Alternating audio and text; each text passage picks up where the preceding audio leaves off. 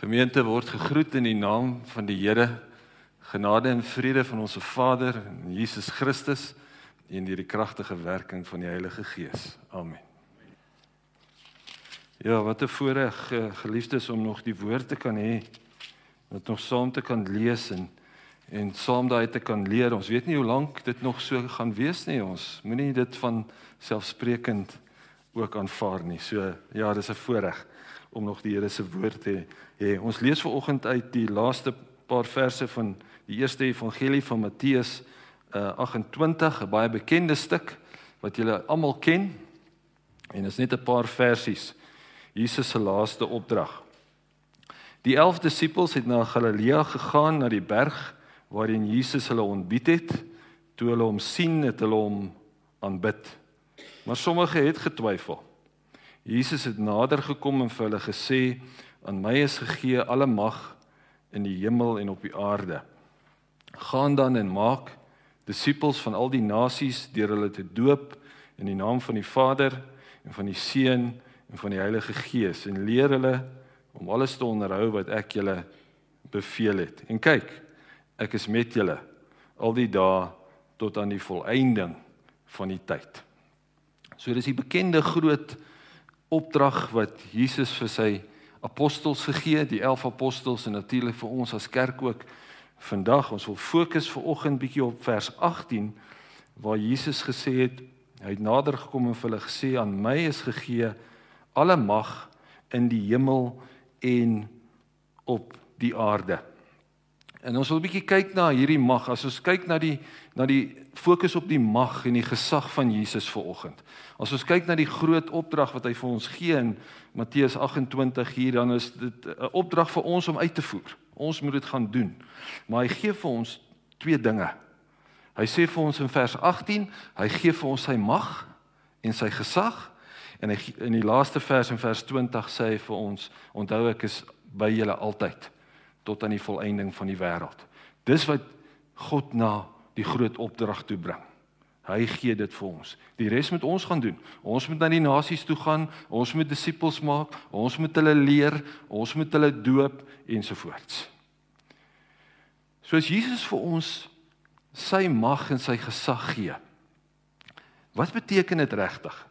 Wat is die mag en die gesag van Jesus?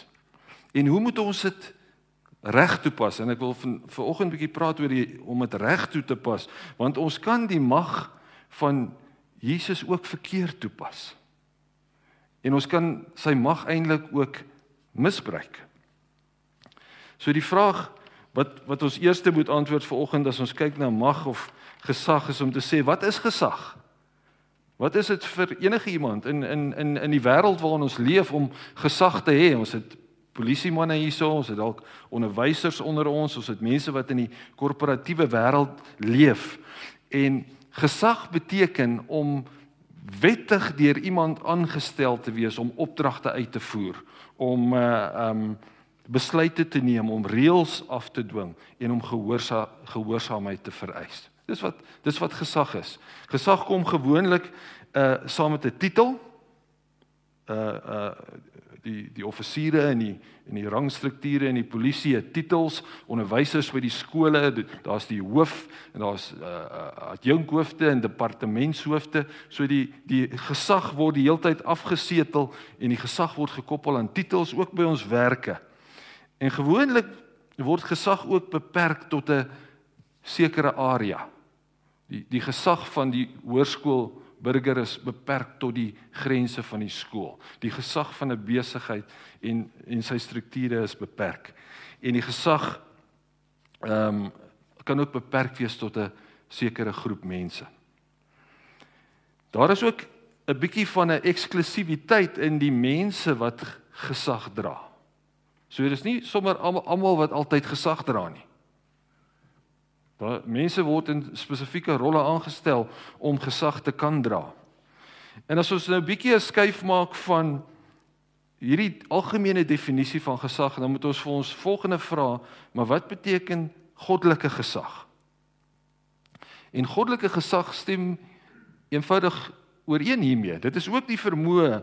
Dit is dis dit is God wat wettige gesag en mag en krag gee binne sy koninkryk om opdragte uit te voer om besluite te neem om reëls af te dwing en om gehoorsaamheid te vereis.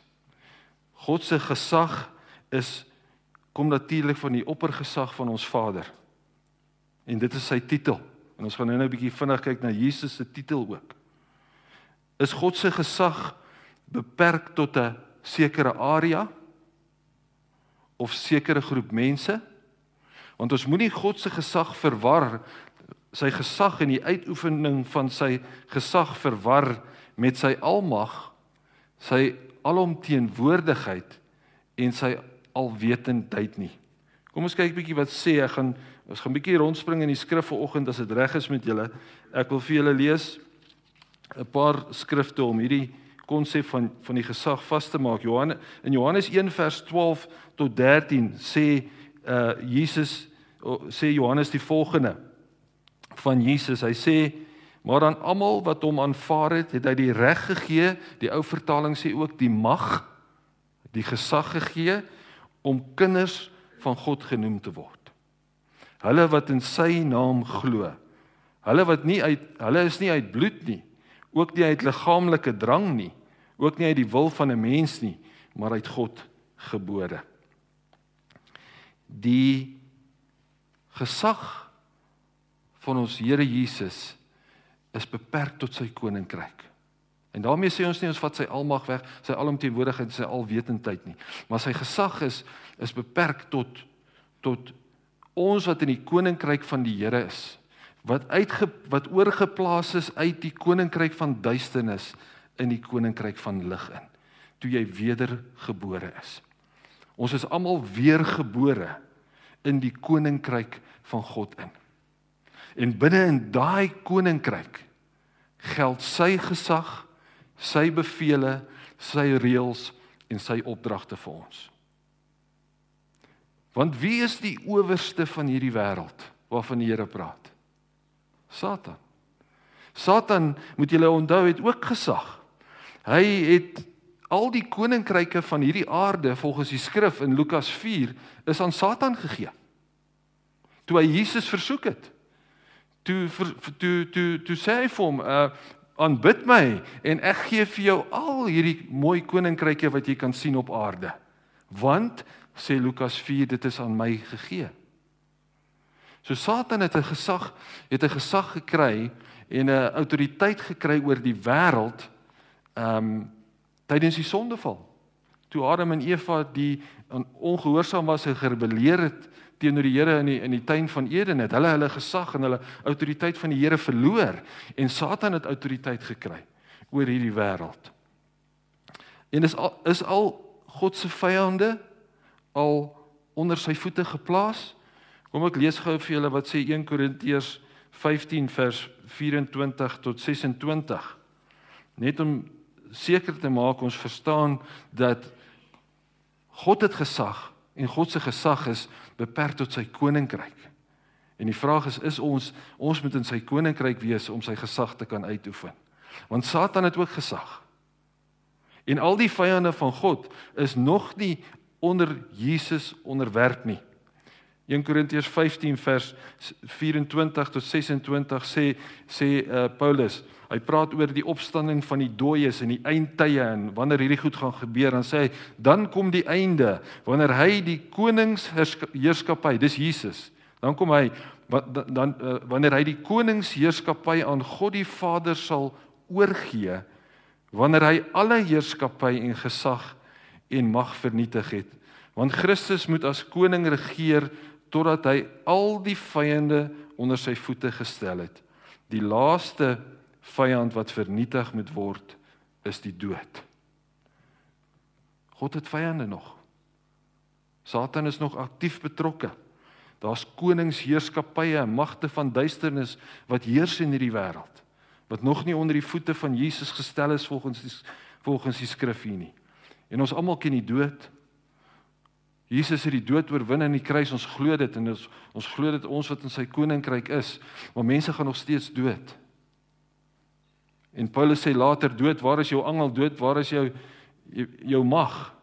Maar dit is die laaste die laaste vyand sê die woord hier in 1 Korintiërs wat Jesus onder sy voete onder sy heerskappy moet inbring. So die gesag van God moet ons onderskei van die gesag van ons vyand, die Satan. En goddelike gesag is beperk tot die koninkryk van die Here. So kom ons fokus bietjie op dit en ons fokus op die gesag van Jesus en sy koninkryk en ek wil vir julle 'n paar skrifte deel rondom Jesus se spesifieke gesag. Nou met 'n agneming dat julle weet dit is dit is in in God se koninkryk, né? Nee, dis daar dis waarom ons bid. Here, laat u koninkryk kom. Laat u wil geskied. Dit gebeur nie sommer van self nie. Die koninkryk van God moet in mense se lewens ingebring word. Hulle moet hulle moet geleer word van die koninkryk van God en wat dit behels en hoe om in die koninkryk van God in te kom. Dis nie net sommer 'n outomatiese ding wat gebeur as jy kerk toe kom nie. Die Heilige Gees oortuig jou, die Heilige Gees transformeer jou, die Heilige Gees verander jou, die Heilige Gees bring jou oor in die koninkryk van ons koning Jesus Christus. En hoekom sê ons hy's koning en hoekom het hy gesag? Jesaja 9 vers 5 tot 7 en nou gaan ek vir julle nog 'n paar verse oor en weer ons fokus op die gesag van van Jesus vir oggend. Vers 5 en 6 van Jesaja uh, 9 sê want 'n kind is vir ons gebore, 'n seun is aan ons gegee, die heerskappy is op sy skouer. Hy word genoem wondermare raadgewer, magtige God, ewige Vader, vredevors. Vir die uitbreiding van heerskappy en vir vrede sonder einde en hy sal op die troon van Dawid en oor sy koninkryk wees om dit te vestig en te ondersteun deur reg en geregtigheid vir nou af van nou af en vir altyd. Die heerskappy is op sy skouers. Matteus, dit sê die woord vir ons.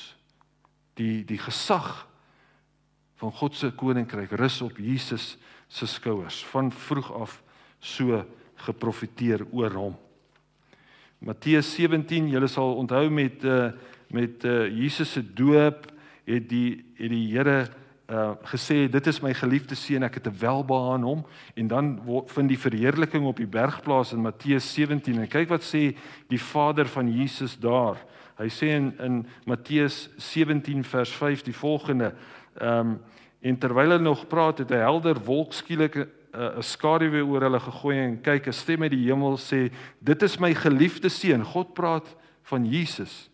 Voor natuurlik nou die drie wat daar saam was op die berg van verheerliking. Dit is my geliefde seun oor wie ek my verheug en nie net verheug nie, dan sê die woord luister na hom. Luister na Jesus. Die heerskappy is op sy skouers.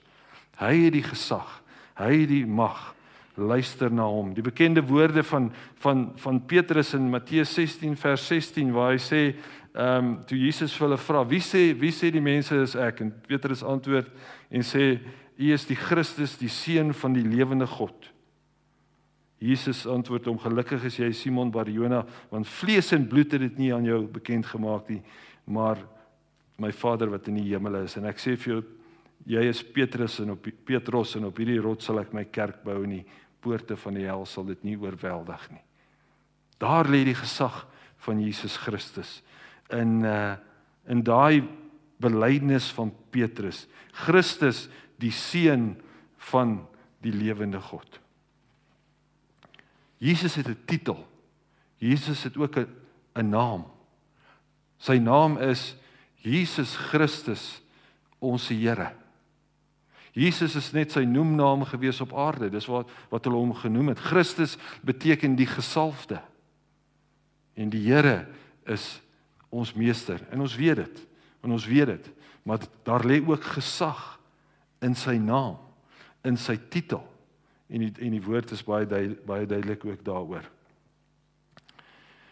Die ehm um, ons gaan nou net vinnig praat oor die konteks van die van die ehm um, van die groot opdrag in Matteus 28 toe wat Jesus vir die disippels gegee het, maar ek dink is belangrik om te verstaan dat die disippels het in hierdie in hierdie tyd saam met Jesus. Na, hy verskyn aan hulle hierso rondom die net na die kruisiging en die opstanding wat baie traumaties was vir hulle.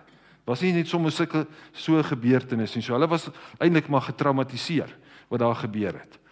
En hulle het ook 3 jaar saam met Jesus geloop en saam met hom gele, ge, ge, uh, uh, geleer van die koninkryk van God. En nie net geleer nie, maar hulle het hom ook beleef. En hulle het het, hulle het 'n paar dimensies van Jesus se gesag gesien op aarde. Seker die bekendste dimensies van Jesus se gesag wat hulle gesien het, is hoe hy mense gesond gemaak het. Is hoe hy ehm um, ehm um, beseer onreine geeste uit mense uitgedryf het. Is hoe hy mense uit die dood uit opgewek het. So hy het hulle geleer, maar hy het hulle ook hierdie goed gewys. Hy het hulle hy het hulle hierdie praktiese goed gewys en hulle hulle kon hom beleef en hulle het baie kere hom nie verstaan nie. Hulle het nie verstaan wat gebeur nie. En in in in Jesus se lewe op aarde nie, maar dit was 'n proses van leer, van leer, van van woord en van prakties wees en om te sien in aksie. Maar daar's 'n dimensie wat van van Jesus se krag wat die disippels ook geleer het in Matteus 11. En ons weet dit ook geliefdes, daar staan Matteus 11 in die laaste uh paar verse vers um 27 sê Jesus um vir sy disippels alles is alles is deur die Vader aan my toe vertrou. Alles is aan my gegee. Alle gesag is aan Jesus gegee. Alle mag En niemand ken die seun nie behalwe die Vader en niemand ken die Vader nie behalwe die seun nie en elkeen wie die seun het seun hom bekend wil maak. Kom na my toe almal wat vermoeid en belas is en ek sal julle rus gee. Neem my juk op julle en leer van my want ek is sagmoedig en nederig van hart en julle sal rus vind vir julle gemoed. Want my juk is draaglik en my las is lig. Baie keer dink ons die Jesus wat ons aanbid is hy's hy's hy's eintlik hierdie hy's hierdie dinamiese Here wat voorloop en wat die wonders doen en wat die tekens doen en wat en wat mense bedien en dit is waar. Maar dan draai hy om in hierdie in hierdie skrif en hy sê aan my is alles gegee, aan my is alle mag gegee. Maar ek is ook sagmoedig en nederig van hart. Die God van liefde wat uh wat ons aanbid wat alle mag het in hemel op aarde en alle mag vir ons gegee het is 'n nederige en 'n sagmoedige God. En amper kan jy nie daai twee bymekaar uitbring nie. Amper kan jy nie die, die ons wil die krag van God op 'n fisiese en 'n tangible manier sien en aan die, aan hierdie kant en aan daai kant sê die is die Here is die Here ehm um, nederig en sagmoedig van hart. En lê sy krag ook daarin. Romeine 14 vers 7 sê die koninkryk van God is nie 'n saak van eet en drink of van kos nie, maar van vrede en van vreugde en van geregtigheid. Jesus sê op talle plekke rondom sy koninkryk waar sy gesag geld, soek eers die koninkryk van God en God se geregtigheid en die res van in die res sal vir jou bygevoeg word. So die die ehm um, die disippels het 'n het 'n interessante pad en 'n lang pad met uh met uh, Jesus geloop voordat gebeur het wat in Handelinge gebeur het. Voordat die die die Heilige Gees uitgestort is en hulle die krag ontvang het om die evangelie te van gaan verkondig. Want hierdie opdrag wat ons nou gelees het is, is aangevul soos wat julle weet met met 'n uh, ehm um, Handelinge 1 waar Jesus vir hulle gesê het, hy gee vir hulle die opdrag, maar dan sê hy vir hulle gaan, gaan na Jerusalem toe en wag totdat julle die Heilige Gees ontvang, die krag van bo. En dan sal julle my getuies wees. Ek dink 'n belangrike deel van wat die disippels ook geleer het by Jesus in die tyd wat hulle saam met hom spandeer het en in sy teenwoordigheid is om bidtend en afhanklik en eerbiedig voor hom te lewe. Want hy is die koning. Dit het hulle tyd gevat om te leer dat hy die koning is.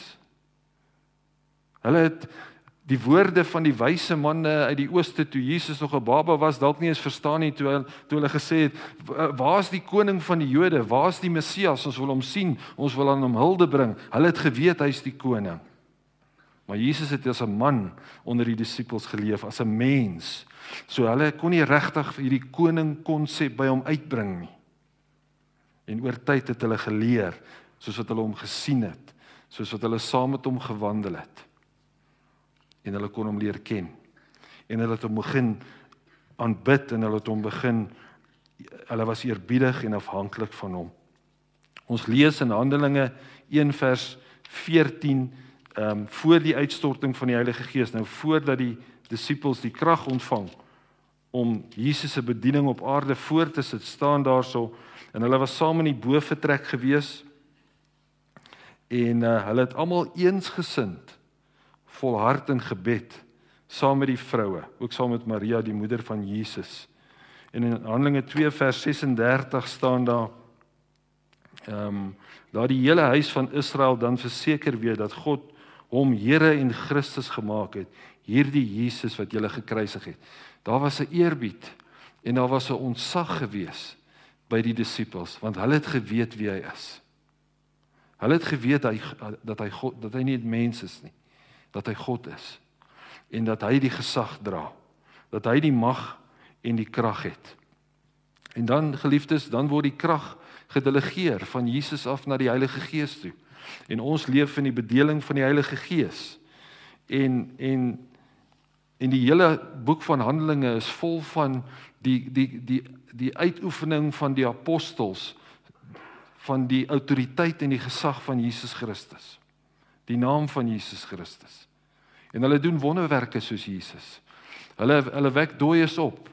Hulle die eerste wonderwerk van Johannes en Petrus is met die verlamde man by die pilaargang van die tempel. Waar hulle waar hulle vir hom sê goud en silwer het ons nie maar in die naam van Jesus, die gesag van Jesus, staan op. En hy het opgestaan. So die so die die die die, die apostels het het die krag en die gesag ontvang deur die Heilige Gees. En ons moet ook waak daarteenoor dat ons ons nie die die gesag uit die vlees probeer uitleef baie keer nie. Dit is 'n gevaar vir ons as as kerk ook. Dat ons wil dit doen uit ons uit ons eie vermoëns en uit ons eie krag uit en en ons kan dit doen en ons en ons en ons weet wat om te doen, maar sonder die Heilige Gees is ons kragteloos. Sonder die Heilige Gees is ons heeltemal kragteloos. En die apostels het dit erken en die apostels het um in dit gewandel. Hulle het geweet die mag en die gesag is in Jesus Christus en dat die Heilige Gees hulle daarmee toerus. Um Ek wil net nog 'n voorbeeld noem toe Petrus vir Tabita opgewek het onder leiding van die Heilige Gees uh, staan hier so in die woord in Handelinge 9 vers 40 nadat Petrus almal na buite toe gestuur het. So hier lê hierdie dooie uh uh um vrou met die naam van Tabita Dorcas. En Petrus besef dat die Here kan haar opwek uit die dood uit, maar hy stuur almal na buite toe en hy kniel en hy bid. En hy sê vir Tabita staan op en sy het haar oë op oopgemaak en sy en sy het lewend geword. Maar die gedeelte wat ons baie keer mis is dat hy gekniel en gebid het. Hy was afhanklik van die Here Jesus. Hy was afhanklik van sy gesag. Hy het nie sommer net die gesag van Jesus as 'n vanselfsprekendheid aanvaar nie. Ons moet die gesag, ons moet Jesus en sy gesag eerbiedig. Daar is natuurlik ook verkeerde toepassings van die gesag van Jesus en die en die Bybel is baie duidelik daaroor. In Handelinge 8 vers 26 lees ons van ehm um, Simon die towenaar. Né? Wat die apostels gesien het en hoe hulle hierdie kragtige dade doen in die naam van Jesus en hy het gesê uh in in Handelinge 8 vers 26, kom ons lees dit gou, dan staan daar ehm um, ehm um, uh Handelinge 8 vers 26, ja. Ehm um, Toe Simon sien, dis Simon die towenaar dat die Gees deur die handoplegging van die apostel geskenk word, het hy hulle geld aangebied met die woorde: "Gee vir my ook hierdie mag." sodat elkeen vir wie ek die hande op lê die Heilige Gees kan ontvang. So hulle het gesien wat die apostels gedoen het, maar hulle het nie verstaan waar dit vandaan gekom het nie. En hierdie ou was bereid om geld te betaal om dit te kry. En Simon sê vir hom, maar Petrus sê vir hom, mag jou geld saam met jou in die verderf beland omdat jy gedink het om die gawe van God deur geld te verkry. Jy het geen aandeel of aanspraak in hierdie saak nie, want jou hart is nie opreg voor God nie. God toets ons harte. En ons is dalk bewus, ek weet nie van julle nie, maar ek weet daar's daar's daar's baie misbruik daar buite in in in die, in die naam van Jesus en in die naam van die liggaam van Christus waar geld 'n groot rol speel. En dat mense eintlik in werklikheid die krag van die Heilige Gees met geld wil kom koop of of baie keer koop. Dis die verkeerde manier en ons weet dit om die gesag van Jesus te probeer kry. Daar was natuurlik ook die geval van die seuns van Skewa, né? In Handelinge 14 vers 31. Ek weet nie of julle of julle hulle kan onthou nie. In Handelinge 14 vers vers 31 staan daar die volgende ehm um,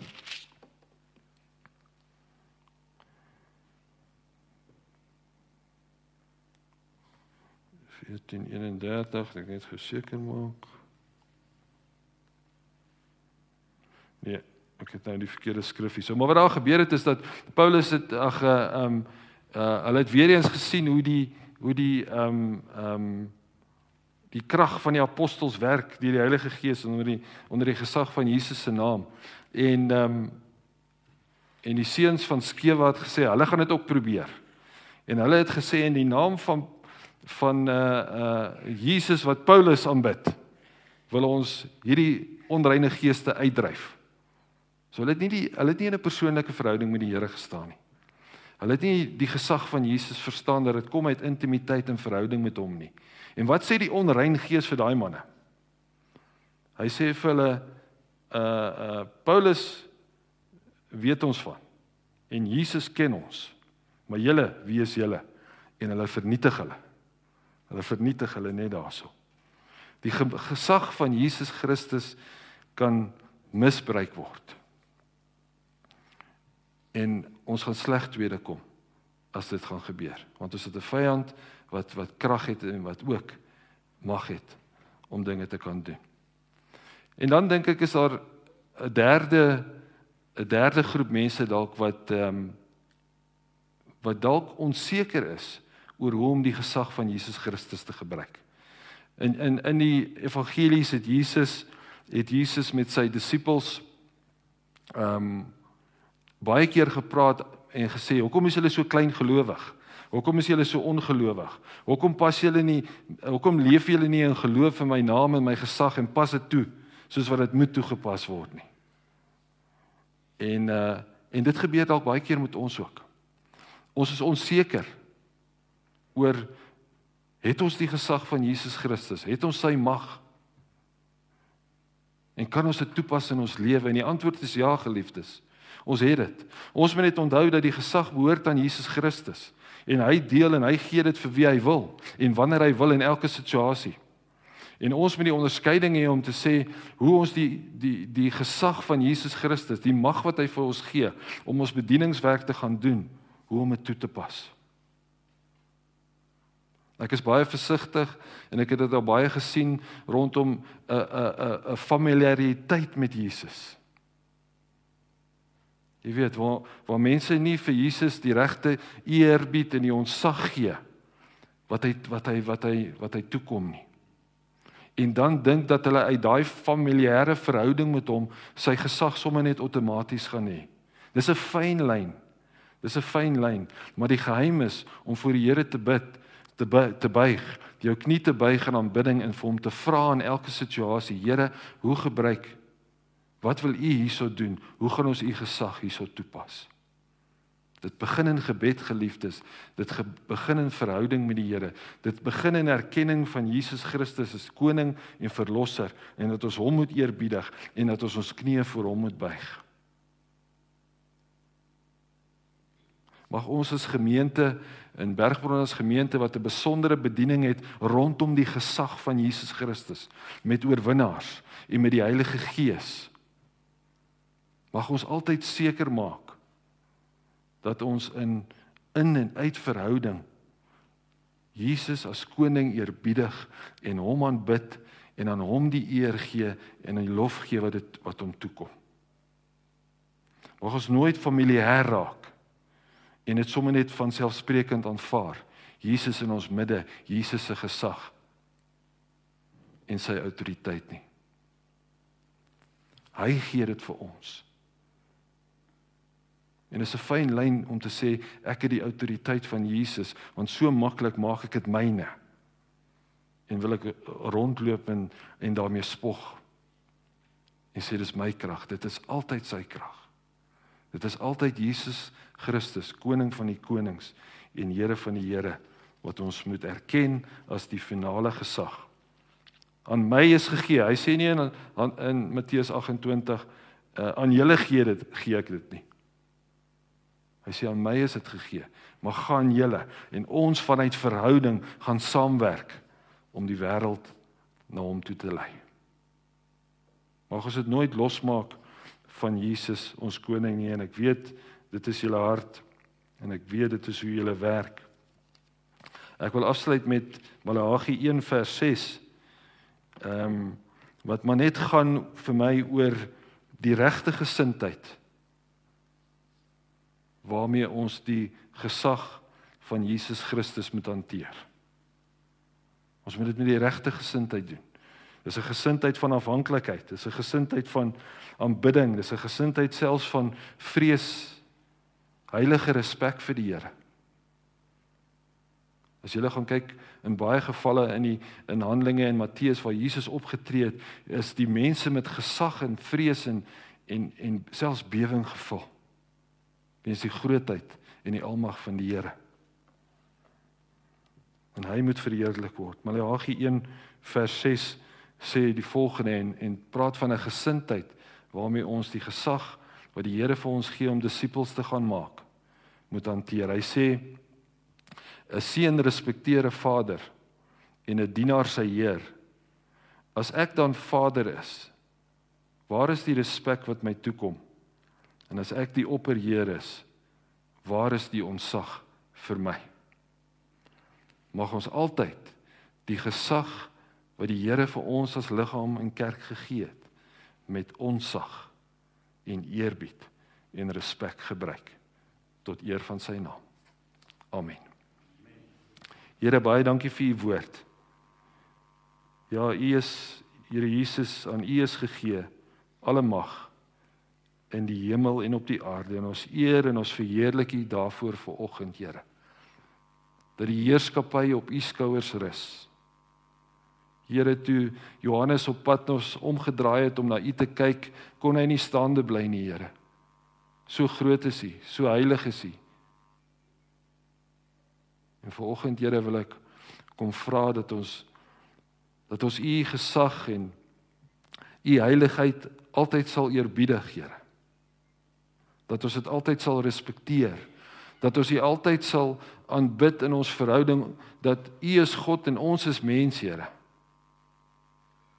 En dat ons nie onsself wil dit gebeur so maklik Here dat dit oor ons gaan en oor ons behoeftes en oor ons prestasies bely dit vanoggend maar bring ons terug Here na die gesag wat aan U behoort mag ons ons knie buig voor U Jesus in elke situasie om om vir U te vra Here hoe moet U gesag hier aangewend word?